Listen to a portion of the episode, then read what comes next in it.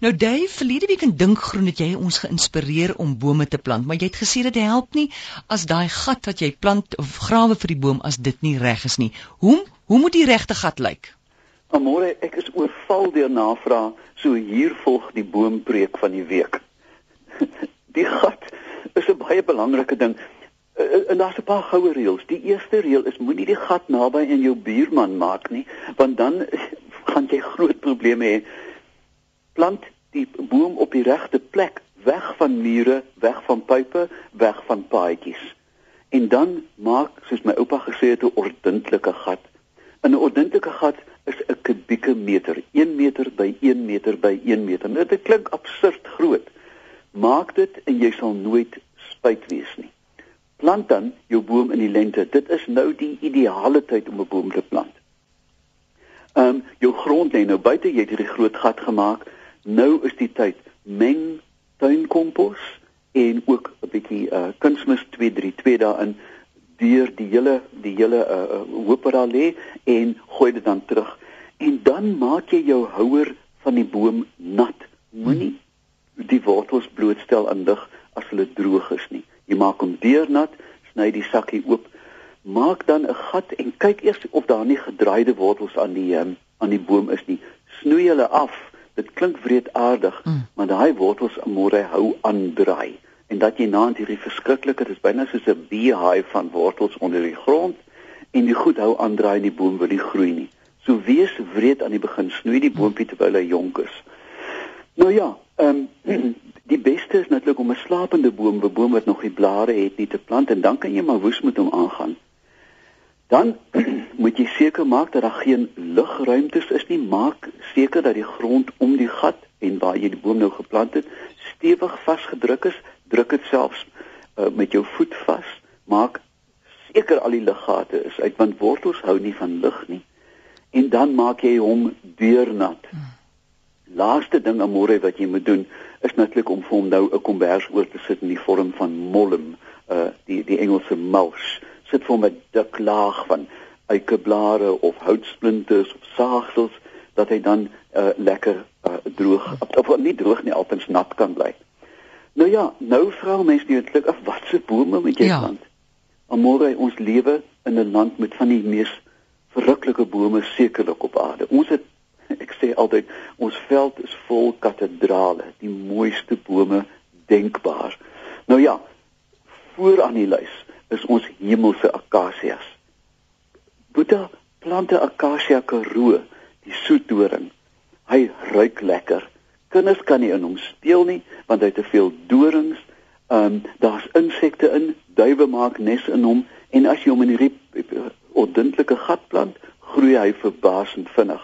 Dan is daar ander ons koorsbome, maar mens moet tog versigtig wees. Onthou vir plekke wat ryp het, dat jy die regte boom daar plant. Onthou van die wortels wat kruip en dalk jou huis kan belemmer.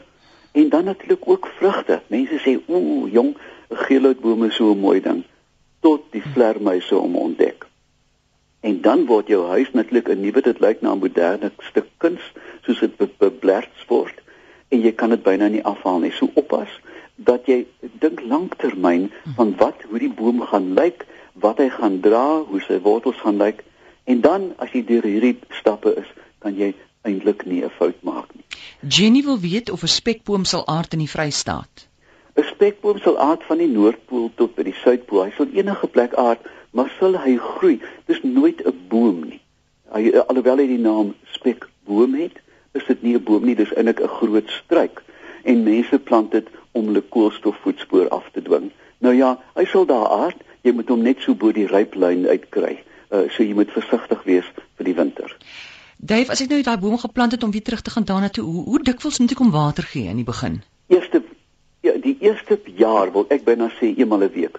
Sorg dat daai boom nie swaar kry nie, want as hy hom goed vestig môre, is dit 'n resep vir 'n gesonde boom later in sy lewe. In binne 'n jaar gewoonlik is bome onafhanklik dan kry hulle water van oral oor van reën en hulle vind dit self onder die grond maar dit is jou verantwoordelikheid om hierdie belegging te maak reg aan die begin dan wilde olywe soek 'n wonderlike boom om te O, fantastiese ding.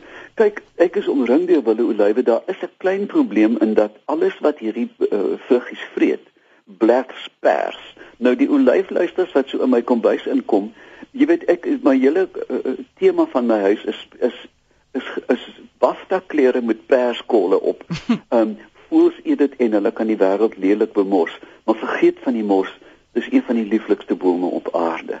En dan wil 'n siel op 'n wiel weet hy sê hy ry so 70 700 km per dag.